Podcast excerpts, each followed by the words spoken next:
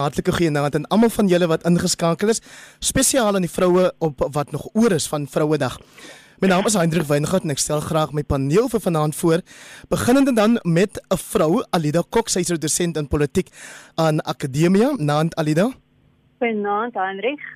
En dan die aktivis en sakeman Crispin Son daar onder in die Kaap, wie julle ook al voorheen op die program gehoor het, en dan Crispin. Haai, goeienaand, Hendrik en Alida. En dan laaste maar nie die minste nie, iemand wat in werklikheid geen bekend bekendstelling op hierdie program nodig het nie, Dr Piet Kroukamp, hy's 'n politieke ontleder verbonde aan die Noordwes Universiteit. Goeienaand ook aan jou uh, Piet. Goeienaand aan u. En dan die vierde lid van die paneel is natuurlik jy die luisteraar. So stuur gerus vir my 'n uh, SMS na 45889. Dit sal jou net R50 kos of WhatsApp na 0765366961 of maak 'n draai op Facebook op my persoonlike blad en dan kan jy daar deelneem aan 'n gesprek wat eintlik al vanmiddag begin het. Kom ek kyk net gou na die koerant voorblaaie. Ek is nie skaam vir Zander sê rapport se hoofopskrif en dit is natuurlik oor die stelmoordenaar Zander Bylsma wat Vrydag in die Hooggeregshof in Mabato tot 2 keer lewenslank gefonnis is weens die moorde op Chanel Houg en Marna Engelbrecht. City Press lei met die opskrif Eis Pels score big oor die ANC sekretaris-generaal Eis Magashule wie se Vrystaatse vriende glo ook net soos wat sy seuns begunstig is uit kontrakte vir die verskaffing van persoonlike beskermende toerusting, die Engels PPEs en dan die Sunday Times, 'n bietjie meer bemoedigend dink ek met how South Africa is taming COVID-19 storm oor vroeë aanduidings van 'n afname in corona-infeksies en dan ook 'n foto van Sophie de Bruin, sy is die laaste oorlewende leier van daai historiese vroue optog na die Unie gebou op hierdie dag in 1956 en dis natuurlik wat maak dat ons Vrouedag herdenk. Kom ek begin dan sommer met jou Alina. Wat is die relevantheid van hierdie dag 64 jaar na daai optog waarna ek nou verwys het? Die president sê in sy Vrouedag boodskap ons land het veel om op trots te wees wat vroueregte betref. Sjoe, dis dis vir my diep ironie en betrokke. As jy gaan kyk Suid-Afrika is uh, een van die plekke in die wêreld waar dis uh, een van die mees gevaarlike plekke in die wêreld wat dit is om 'n vrou te wees. Ehm um, van die hoogste vlakke van geweld word teen vroue in Suid-Afrika gepleeg. Ehm um, verlede jaar was daar byvoorbeeld 100 verkrachtings per dag aangemeld. Ehm um, die 'n ander statistiek meen dat ehm um, per selfs 8 vroue per dag word vermoor deur mans. Dit is die hoeveelheid geweld teen wat teen vroue gepleeg word in Suid-Afrika en die omstandighede waarin vroue vir altyd in die grendelstaat moet funksioneer lig net um, lig net hierdie diep ironie uit. Op 'n manier wat Suid-Afrika betref as jy as jy gaan kyk dit ons handves van regte weet wat wat in die grondwet vervat is met die idee dat dit dit moet in die grondwet wees dat dit dit moenie aangepas kan word nie. Dis op 'n manier om dit in hoër wetgewing uit te lig om die belang daarvan uit te lig maar terselfdertyd ehm um, en hierso sê ek natuurlik vroueregte in in hierdie handves van regte. Maar terselfdertyd die handves van regte en die manier hoe dit uitdruk in die grondwet vind, dit herinner my op 'n manier aan die Sowjet grondwette van 1936 en 1977 wat beide ook baie indrukwekkende reeks individuele vrye vryhede en regte vervat het maar min van daardie regte is in praktyk toegepas en dit is presies wat in Suid-Afrika gebeur ons word elke dag gekonfronteer deur die verwrommendheid van ons samelewing en die feit dat daar 'n tipe bloudruk is wat wat veronderstel is om te moet verwerk wat wat veronderstel is om toegepas te word in ons samelewing maar wat nie uiting kry in praktyk nie en en hierdie verwrommendheid hierdie hierdie hierdie skeer of hierdie gaping wat tussen ons ideale en in praktyk dit vorm word net al hoe groter en al hoe groter. Dit in terselfdertyd weet die die ANC regering het het soveel van sy legitimiteit in die afgelope tyd verloor, soveel van sy geloofwaardigheid in die afgelope tyd verloor. Dit deur na deur na die ideale van die verlede terug te roep om deur, deur te verwys na 1956 byvoorbeeld te 20000 vroue na die Unie gebou te gestap het, weet om om teen paswette te proteseer of met op te staan. Ehm um, dit daai is nog daai ideaal het het nog soveel geloofwaardigheid en legitimiteit, maar vir 'n vir 'n dominante regerende party vandag om terug te roep na daai ding toe om op 'n manier sy legitimiteit weer te probeer hervestig of te bevestig is is regtig is diep ironies.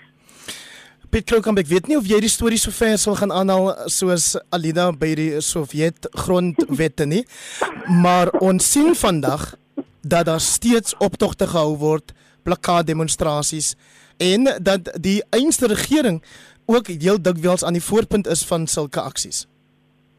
Ja, ek ek ek ek, ek Alida is heeltemal reg in in veel opsigte.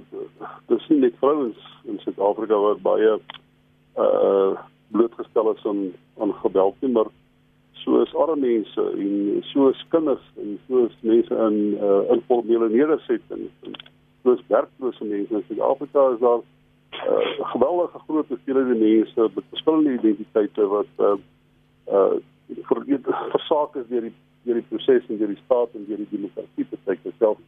En vrouens is maar is is is is, is, is maar net slagoffer van presies dieselfde ding maar alle mense gaan is voor 'n slagoffer is. en ek dink ehm um, uh, maar ek ek, ek dink mens moet net as as ek wil teruggaan na die na met dan die brein se se se opmars dit dit is so dat ons in Suid-Afrika is wat vrou verteenwoordiging in in in wetgewers betref uh, is ons kompeterings met van die beter demokrasie in die wêreld as sterk verteenwoordiging van vrouens uh, in, in in in die meeste wetgewers en sommige gevalle selfs 50%. Ek weet in uh, die ANC te bereik in terme waarvan uh, lede van die uitvoerende komitee van die burgemeester moet 50% vroue wees. So ek dink dat ons het goeie vorderings gemaak, ons het goeie politieke vorderings gemaak in menige opsigte. Uh maar dit is so dat uh, as jy in 'n gewelddadige samelewing bly, sal vrouens meer dikwels uh weet van die soos ons sê die vulnerable groepe wees en dit dis inderdaad so maar jy sien dan nie uh die feit miskyk dat daar bepaalde fronte is waar daar tog vorderings gemaak word. Nie as jy kyk uh, ek weet nie by alle universiteite maar ek dink die meeste universiteite waarvan ek bewus is uh in hier by Derbias en Nagraad is vir die meeste studente wat daar sit is vroue studente. So daar's vordering, daar's daar's 'n bepaalde mobiliteit ingebou in die stelsel vir vrouens. Die grondwet waarborg uh, sekere mate van vryheid vir vrouens en uh, ons sien dit ook in, in in bepaalde dele in praktyk. Maar as jy nou natuurlik praat oor Vrouedag, dan uh, kan jy fokus net op die geweld en die geweldmisdade van en dan is dit donker prentjie inderdaad. Crispin Sonne wat natuurlik deel van die geskiedkundigheid van daai foto uh, van die optog van die vroue in 1956 uitmaak as die feit dat jy 'n swart vrou as ek nou maar in Suid-Afrikaans dit moet stel, Lillian Ngoy daar sien op daai foto, jy sien vir Helen Joseph, 'n wit vrou en dan sien jy vir Sophie Williams nou die brein natuurlik ehm, 'n um, bruin vrou. Wat is daar vandag te sê oor die vrou as jy dan nou die rasseklassifikasies van destyds wel eintlik nog vandag steeds nê moet gebruik, um, kan hulle saam stap en sê ja nee ons is ten minste as vroue ewe goed of ewe sleg daaraan toe. Ja, Heinrich, I mean daar's ek ek ek dink daar's uh, baie aspekte van jou vraag. Ek dink die eerste aspek is drie vrouens swart, bruin en wit vrouens. Uh, dit laat my nadink aan die slagspreuke van die 80er jare en 90er jare met ons opmarste waar ons dat die slagspreuk uh, was forward to a non-racial non-sexist democratic South Africa. Jy weet en dit was meer as 30 jaar gelede. En uh, ons ek weet nie ons het ons as ons as ek terugkyk het ons 'n uh, basiese demokrasie wat nie heeltemal goed werk nie ons het nie 'n nie rassige samelewing nie en ons het beslis nie 'n nie sukses sukses seksistiese samelewing nie. So ek dink dis die een aspek as ek na daai na daai foto kyk, dan sien ek dat ons as samelewing nie goed gevaar het oor die afgelope uh 30 jaar nie. Ehm um, die tweede ding is jy weet kan mense sê dat jy daar gelyke regte is. Ek ek sal sê beslis nie. Ehm um, daar is nie en ek dink dit die fotobeeld iets wat soort van 'n ehm 'n 'n wens was vir Suid-Afrikaners en veral progressiewe magte in daai tyd. Maar wat vir my baie tref oor Vrouedag altyd is dat dit eintlik as jy dit kyk deur die lens van geslagsbaseerde geweld, is dit maar eintlik 'n dag van besinning vir mans van Suid-Afrika want soos Alida genoem het en soos ek het nou onlangs 'n 'n 'n verslag van Safe Spaces gelees wat ek dink maar eers vroeër vanjaar uh, vrygestel is dat daar 25 tot 40% van Suid-Afrikaanse vroue ehm um, geweld deur intieme vennote ervaar het in hulle lewe. So die groot vraag wat ek altyd vra is wat gaan aan in die, met die siege en die sosialisering van mans? Ja. Want dis 'n tyd vir besinning vir mans dat dat dat sulke geweld gedryf word in intieme verhoudings en teenoor mense wat sulke standpilare is in ons in ons grootword in ons samelewing. En ek dink as ek daarna kyk dan worstel ek altyd met die feit dat dit ons kan baie blame by die deur van die regering lê, maar ek dink daar is ook 'n groot deel uh verantwoordelikheid wat geneem moet word in ons eie gesinne en samelewings, die patriargiese stelsel hoe kinders gesosialiseer word, wat hulle geleer word en ek dink dit is uh, soos hulle in Engels sê the chickens have come home to roost. Ons is 'n uh, daar is geslagte nou of jy nou kyk na die voor uh, 94 of na 94 ehm um, alhoewel daar baie vrouens verteenwoordig is in die uh, in die regerende party is ons nog altyd 'n patriargiese uh, samelewing en daar is baie min plek vir besinning vir mans. Dit as jy praat van Vrouedag lê die klem op op vroue, Ja. maar hulle is die slagoffers van van mansgedrag. Waar kry ons die tyd om te te praat oor die oor die houding van mans teenoor vrouens en hoe ons gesosialiseer word? Alida so die man wat tans in beheer is wankelrig soos wat dit soms lyk in die Unie gebou het ook in sy Vrouedag boodskap gesê to give effect to our commitment to the upliftment of women South Africa has joined Generation Equality a global campaign to achieve gender equality by 2030 so daar's nog so 10 jaar oor om in te haal as um Crispin vir ons sê daar moet heel wat meer besinning plaasvind Ja, ehm um, ek dink om te reageer, reageer op dit, ek ek dink nie mens kan iets soos dit isoleer van die groter prentjie waar ons Suid-Afrika tans is nie. En die groter prentjie waar ons ekonomie tans is nie. Dit as as jy gaan kyk net byvoorbeeld en ek wil nou, I mean hierdie hierdie raak eintlik nou 'n ander gesprek en ek wil dit glad nie afvat van die gesprek rondom die toestande waaroor waaronder vroue moet weet funksioneer en leef en werk en en die regte in daai opsig nie. Maar as jy gaan kyk byvoorbeeld net na wat met die ekonomie op die oomblik gebeur en die effek van dit op die maatskaplike toestande waarin mense moet leef. Dit as as jy nie 'n gesonde ekonomie het, jy het nie met 'n funksionerende ekonomie nie, ehm um, as dan dan gaan maatskaplike probleme gaan nie opgelos word nie, want van die van die gemeenskap, die samelewing word nie gesond nie. Inteendeel, die die druk waaronder mense moet funksioneer word eintlik net groter en groter en groter. Ja. Dit so dit is weer eens om om nou te wil sê in in ons is deel van 'n equality wet projek. Dit dis dis dit eintlik dit dit is nie sinvol nie. Dit beteken eintlik niks nie. Ehm um, want die want die groter prentjie is is verwronge en skeef en ongesond. Petro Kamp en dan help dit natuurlik ook nie soos wat Julius Malema vandag beweer het dat swart vroue toenemend in die korporatiewe wêreld en ook in leiersposisies in staatsondernemings vervang word deur wit mans nie.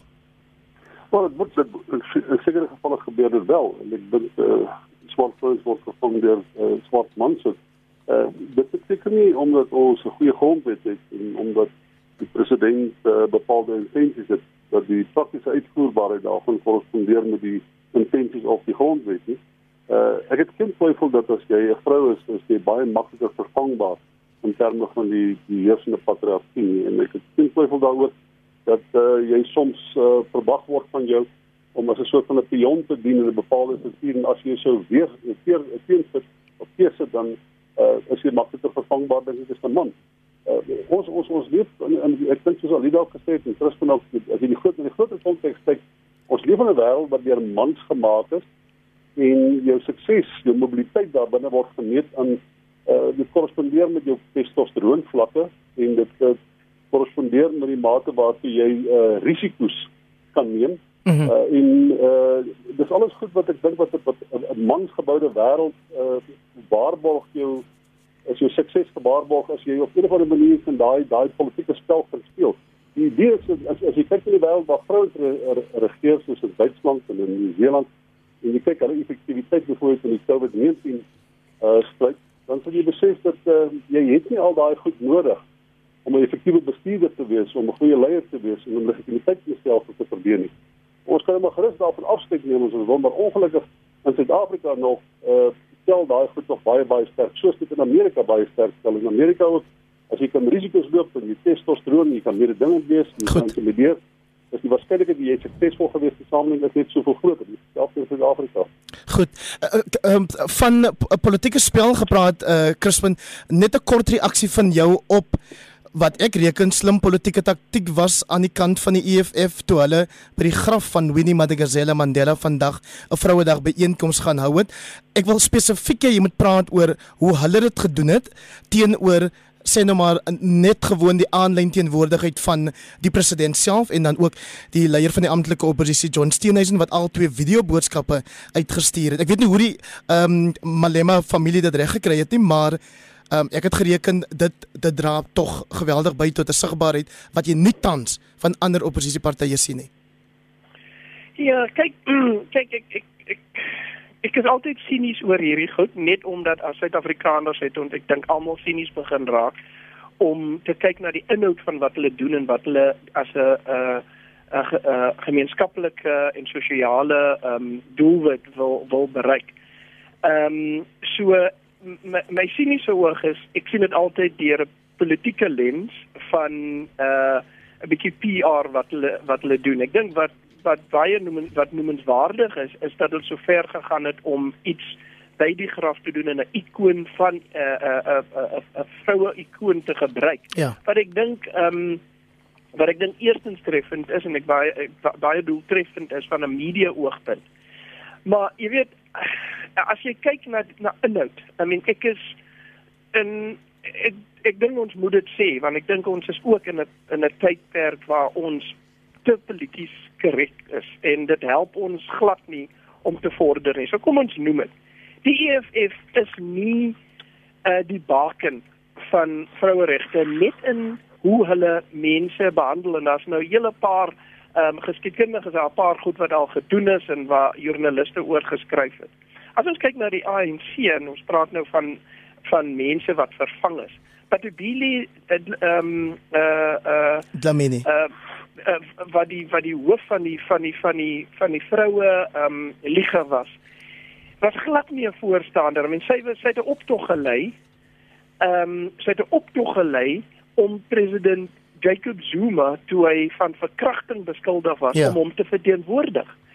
So wat ons in 'n samelewing wil hê is ons wil mense hê ongeag wie en wat hulle is wat vir ideale staan en bereid is om dit deur te voer. Nie net by die by die grafsteen van iemand nie, maar die die die formulering en toepassing van beleid in ons samelewing en in hulle eie lewens. Ons het ongelukkig nie genoeg mense wat op in op 'n persoonlike vlak dit deurvoer in hulle lewens nie. En dit Goed. wat my baie sinies maak van sulke goed. En as jy pas by ons ingeskakel het, eh, dit is kommentaar waarna jy luister elke Sondag aan hier op RSG vanaf 8uur tot 20 voor 9. Van vanaand af weer onder my leiding en my paneel, die is uh, Crispin Son wat julle pas gehoor het, Alida Kok en Dr Piet Kroukamp. Uh, Kollegas, kom ons luister net gou na een van die SMS'e wat ek ontvang het. Um, dit sê baie gaaf, welkom terug Heinrich. Vrouedag en maand is 'n klug geweld teen vroue en kinders vier hoogtyd. Elke jaar word vroueregte aan die groot klok groot klok gehang, maar daar kom daders van en dis Elise in Durban wat so sê. Ek sien daar's ook iemand wat sê goeie naam Iwer, so bly om jou stem te hoor. Mooi aan. Daar's nie 'n naam by nie, maar jy's beslis nie die enigste luisteraar of televisiekyker wat daai uh, fout maak om my en Iwer wat voorheen die program aangebied het met mekaar te verwar nie. Ek beskou dit altyd as 'n kompliment vir my. Kom ons kyk dan nou kollegas na COVID-19 of COVID-19 korrupsie. Ons syfers sê dat ons tans meer as 10000 COVID-19 sterftes in die land het en reeds meer as 550000 positiewe gevalle wat aangemeld is. In die nuutste ek het vir julle die voorblad van of voorblad berig van die City Press gelees. Um hoor ons daar dat dit nie net Ysmagashule sekretaris-generaal van die ANC is Piet wat voor die 'n seun wat voordeel getrek het uit hierdie kontrakte vir persoon, persoonlike beskermende toerusting nie, maar ook bondgenote of pelle van Ysmagashule. Ek dink dit kan veel van 'n groot verrassing wees nie, maar wat is die onderliggende boodskap? Wel ek dink die uh, belangrike ding wat ek dink die laaste tyd uitgekom het was dat uh, ons kan nou individue cherry pick soos Ysmagashule en die van van van uh, gesondheid hier in Gauteng. Maar die feit bestaan is ek dink die neemend begin het besef dat dit sistemies is. Daar's 'n stelsel wat funksioneer en as ons korrupsie wil takel, moet ons die stelsel aftakel eerder as individue. Nou ek verstaan die versigtiging wat daar is dat uh mense wil bepaalde individue veral belangrike ministers wil hulle baie graag in die hof sien en vervolg sien. Alles goed en wel, ek dink dit moet gebeur. Maar voordat ons nie die stelsel identifiseer waar binne hierdie noem dit maar hierdie individue funksioneer, dis sal ons hmm. waarskynlik altyd hierdie vorm van korrupsie en ek dink mense moet kyk en, en dit is waar die omstrede deel is. Ek is 'n groot voorstander van swart bemagtiging. Ek dink dis 'n moreel gesproke die regte ding en ek dink dit is nog steeds groot hier. Ek dink dit moet beter toegepas word. Maar ongelukkig uh al hierdie kaders wat kontrakte gekry het, soos wat dit dikwels gebeur, al daai kaders het bemagtigingskredentials gehad en dan word hulle kry juist die kontrak omdat hulle bemagtigingsmaatskappye is. Ja. En ek dink dit dit dit dit beswadder as dit ware die idee van bemagtiging in Suid-Afrika. Nou hierdie klompie kaders, nie net maar free marketeers, maar eintlik is hulle net middelmen. Dis ouens wat in die middel funksioneer. Hulle het nie een nog ooit in 'n lewe 'n 'n masker gemaak of 'n ventilator gemaak nie. Hulle het gehoor daar's 'n kontrak en hulle het gegaan en hulle die kontrak gekry, die geld gekry en nou loop hulle rond en hulle probeer as 'n middelman tussen die vervaardigers optree en die staat. Nou die vraag is, het die vraag, het die staat nodig om hier goed by 'n middelman te koop? Wel, die staat het dit nodig want dit is hoe sy legitimiteit gevestig word in die staat en die ANC as is is, is eintlik vir dieselfde organisasie en indien hierdie middelmanne nie gevoer word, dis meestal mans ongelukkig as baie min vroue daar Indien hulle nie op 'n of ander manier gevoer word met die voordele van die staat wat uit die tesorie uitkom nie, kan dit konsekwensies en gevolge hê vir die ANC self. En ek net as ek binnekort is kan vertel ek self het mes met die sonde van hierdie probleem gaan soek by die provinsiale uitvoerende komitees van die ANC. Daai organisasie, hulle besluit wie se burgemeesters, hulle besluit wie is die uh inisies van van van van van van die provinsies. Hulle besluit wie se ons tenderrade sit. Hulle besluit wie se belangrikste bureaukrate. Hulle besluit omtrent alles. Hulle stel die krag, dis die herontplooiing meganisme van die ANC saam met David Mabuza wat in die studie sit. Hulle besluit wie bly wie werk waar. En daai ouens, hulle moet op 'n of ander manier die voordele van die feit dat hulle daar geplaas word word afwentel en wentel af deur hierdie kaderpot wat funksioneer tussen die studie huis en tussen die ANC en die staat en hulle as 'n soort van middelmanne die staat dit is geen toevalligheid dat die laaste ruk van die ANC nie meer eintlik die salarisse betaal in die studie huis nie. Hoekom nie? Omdat daar wikte aangedraai word, dit is eenvoudig nie meer so maklik om geld uit die tesourier te kry. Mens sou die ander gestryd nou met COVID-19 dat baie maklik is, maar eintlik is dit aansienlik moeiliker as wat dit was 2 en 3 jaar gelede. Vir die ANC se politieke party is geweldig afhanklik van hierdie kaders, van die ontplooiing van die kaders en die feit dat hulle toegang kry tot die staat. Ons het hom om dan die finansiële voordele af te wendel aan die party. Goed, Pieter, ekskuus as dit geklink het of ek in die rede wil val, maar ek wil net in die belang van tyd seker maak dat ja. ons nog by die ander twee onderwerpe ook uitkom en dan vra ek nou Mooi. vir Alida en vir Crispin dat hulle ook 'n uh, bietjie 'n um, briekie moet trap sodat ek dit nou nie namens julle hoef te doen nie. Kan ek dan nou um, vra vir uh, Alida as jy vir my kan antwoord op wat ek Vrydag in die rubriek in 'n rubriek in die burger ook probeer um uh, sê het is dat daar 'n oorhoofse ongemaklikheid met die feit dat dit heel dikwels vriende en familie is van politici en staatsamptenare wat 'n voorsprong het bo die res van ons. Hoe gaan daai probleem opgelos word? Ek dink en ek wil aansluit by die hele idee dat dit hierdie 'n stelsel, 'n sistemiese stelsel is. Ek meen as As jy gaan kyk na die maniere die ANC homself uitgeleë het in Suid-Afrika en byvoorbeeld die maniere die Suid-Afrikaanse staat aan mekaar gesit is. Ons het byvoorbeeld drie vlakke van regering en dis wat na Piet nou ook nou verwys het. Daar's nasionale wet of sentrale regering, daar is provinsiale regering en munisipale regering. Dit wil sou kommentators byvoorbeeld sê ja, ehm um, weet in Suid-Afrika as ons veronderstel om 'n kombinasie tussen die unitêre aspekte en federale aspekte te hê, weet die sentrale mag en gedesentraliseerde mag, maar die ANC het alles gesentraliseer. Maar die grap van hierdie ding is is dat die ANC dit reg gekry het om op 'n manier sy eie federale stelsel, as ek dit kan noem, 'n verwronge federale stelsel te implementeer in Suid-Afrika, waar daar 'n sentrale regering is, provinsiaal en munisipaal. Hulle het al drie daai vlakke en die uitvoerende komitee se provinsiale vlak het ongelooflik baie mag. Hulle skakel byvoorbeeld met munisipale regering. Hulle hulle het ook uh, oorhand en heelwat mag wat munisipale regering betref. En hierso is hierdie drie vlakke van regering wat in spanning is met mekaar en mekaar in hierdie hele netwerk van patronaatskap, die politiek van patronaatskap, tenders, geld, entrepreneurskap self op mekaar se tone hou. Weet so hier sien die die dis amper soos 'n verwronge vorm van remme en teenwigte weet wat geld en wat tenders betref. Weet so ehm um, en so op die einde van die dag, ek dink om om hierdie ding op te los en jy het nou verwys na so ongemak byvoorbeeld dat uh, dis dis net vriende en familie wat tenders skryf. Ja, kom kom ek vra vir jou weer wat, wat ek baie graag 'n antwoord op wil hê. Behoort familie en vriende van politici en staatsamptenare enigsins in aanmerking te kom vir hierdie tenders en kontrakte? Dit moet gaan oor meriete op die einde van die dag. Nee, dit dit die as daar 'n konflik van belange is, nee en op die einde van die dag meriete en die beste die beste persoon wat die werk kan doen en wat die tender kan lewer moet dit kry. So Chris, dit, dit is dit is dit is wat ons nodig het om hierdie land ontwikkeling of weet 'n ordentlike ontwikkelende demokrasie te maak. So Chris van daar hoor jy nou as die seun van 'n oud ambassadeur Dr Franklin Son sal jy kan tender vir enige van hierdie groot kontrakte as jy weet jy gaan die werk gedoen kry en eh, die dienste lewer soos wat dit volgens daai kontrak ehm um, regulasies vereis word kyk alreeds gaan ons as in ons maatskappy gaan ons alreeds deur prosesse wat hulle noem politically connected persons. So sodra daar so 'n uh, aantuiging is, moet ons deur prosesse gaan en ek dink jy weet die ek dink daar is sekere wette en regulasies dit word net nie toegepas op 'n konsekwente manier in die land nie. Jy weet ek die die ek dink as jy korrupsie een aspek van korrupsie is dat partye en ek, ek dink 'n groot klem val nou op die ANC.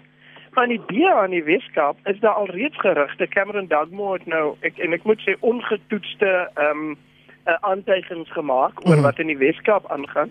Maar ek dink dit gaan oor hoe politieke politieke partye befonds word daar is nie 'n opgewasse proses in Suid-Afrika om politieke partye te eh, te befonds nie. So daar word dan 'n manier in om 'n politieke om 'n 'n verkiesingsveld to, tog te bedryf is is deesdae ongelukkig baie duur.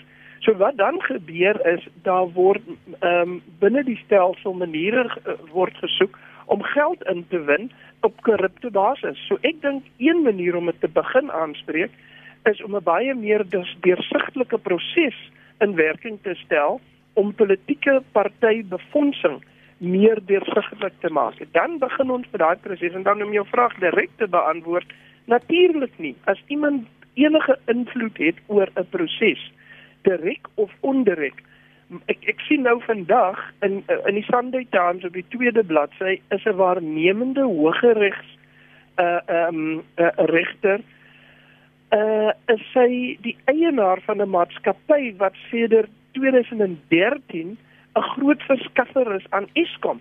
Nou, jy weet regters word spesifiek besoldig sodat hulle nie ehm um, ekonomiese belange en finansiële belange in maatskappye het nie sodat daar nie 'n botsing van belange is nie.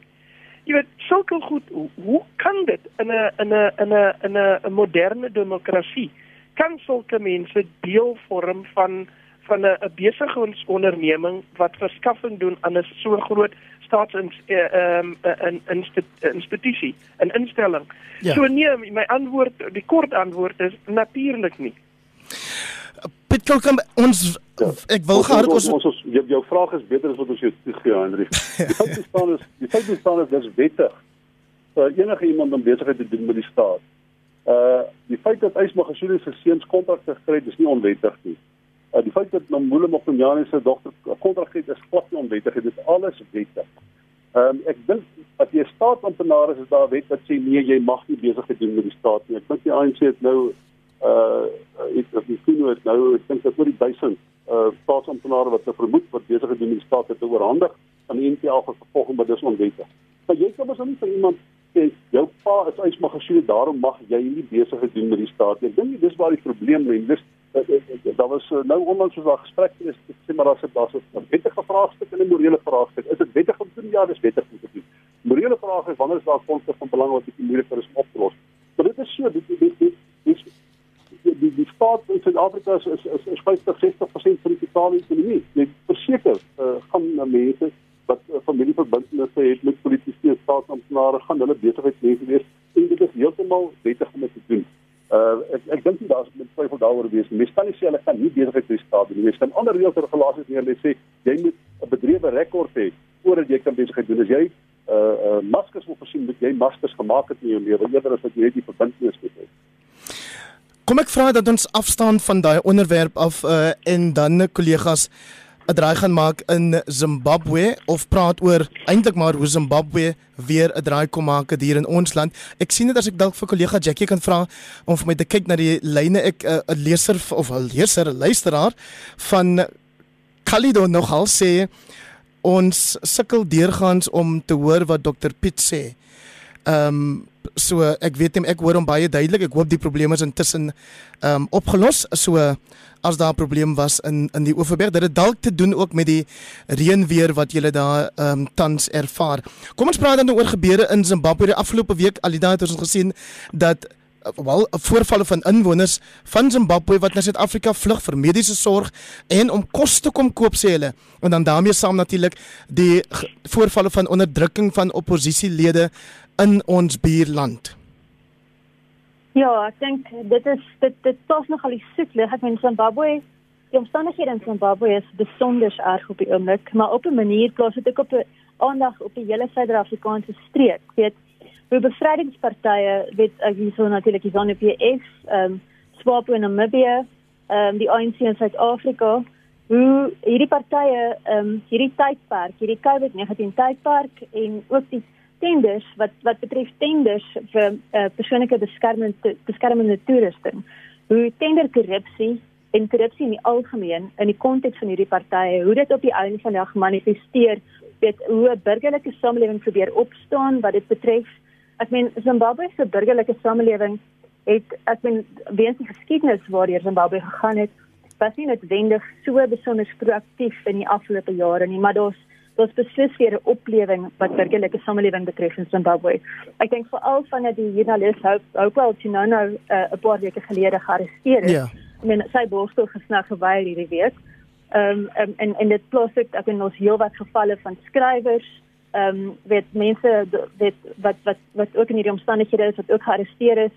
Weet dit wys jou net dat daar daar's in die algemeen hierdie beweging waar burgerlike samelewing probeer opstaan teen 'n uh, 'n vorige struggle bevrydingsparty wat wat wat 'n houvas het op op die streek. Ek meen hyso ek wil dis interessant as jy gaan kyk byvoorbeeld en ek ek gaan beweeg 'n bietjie af van Zimbabwe en ek wil na Botswana toe gaan as jy kyk na die Solank jy dit bondig kan nou asseblief, né? Ek hou dit bondig, ja. Die Botswana de Democratic Party byvoorbeeld in Botswana. Ek ben daar so 'n interessante ding gebeur want binne die party is is is een kamma byvoorbeeld uitgeskuif dit so daar dit lyk asof daar binne daardie bevrydingsparty het daar wel vernuwing dalk uh, ek weet nie of dit dalk te vroeg is om dit te sê nie maar daar's 'n mate van vernuwing binne die party wat die ander bevrydingspartye in die streek nie kan regkry nie.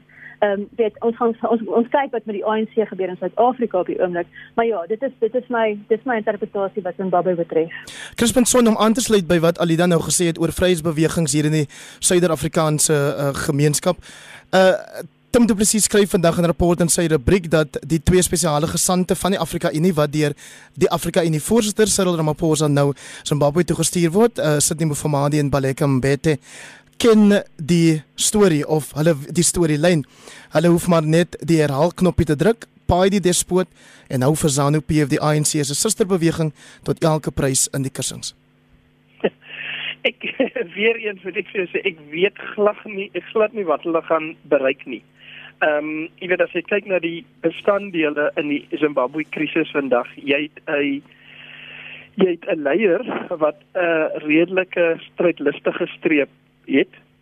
Ehm um, en is as hy in 'n hoek gedruk is, is is hy gedwonge om om militaristiese optrede uh, te te volg.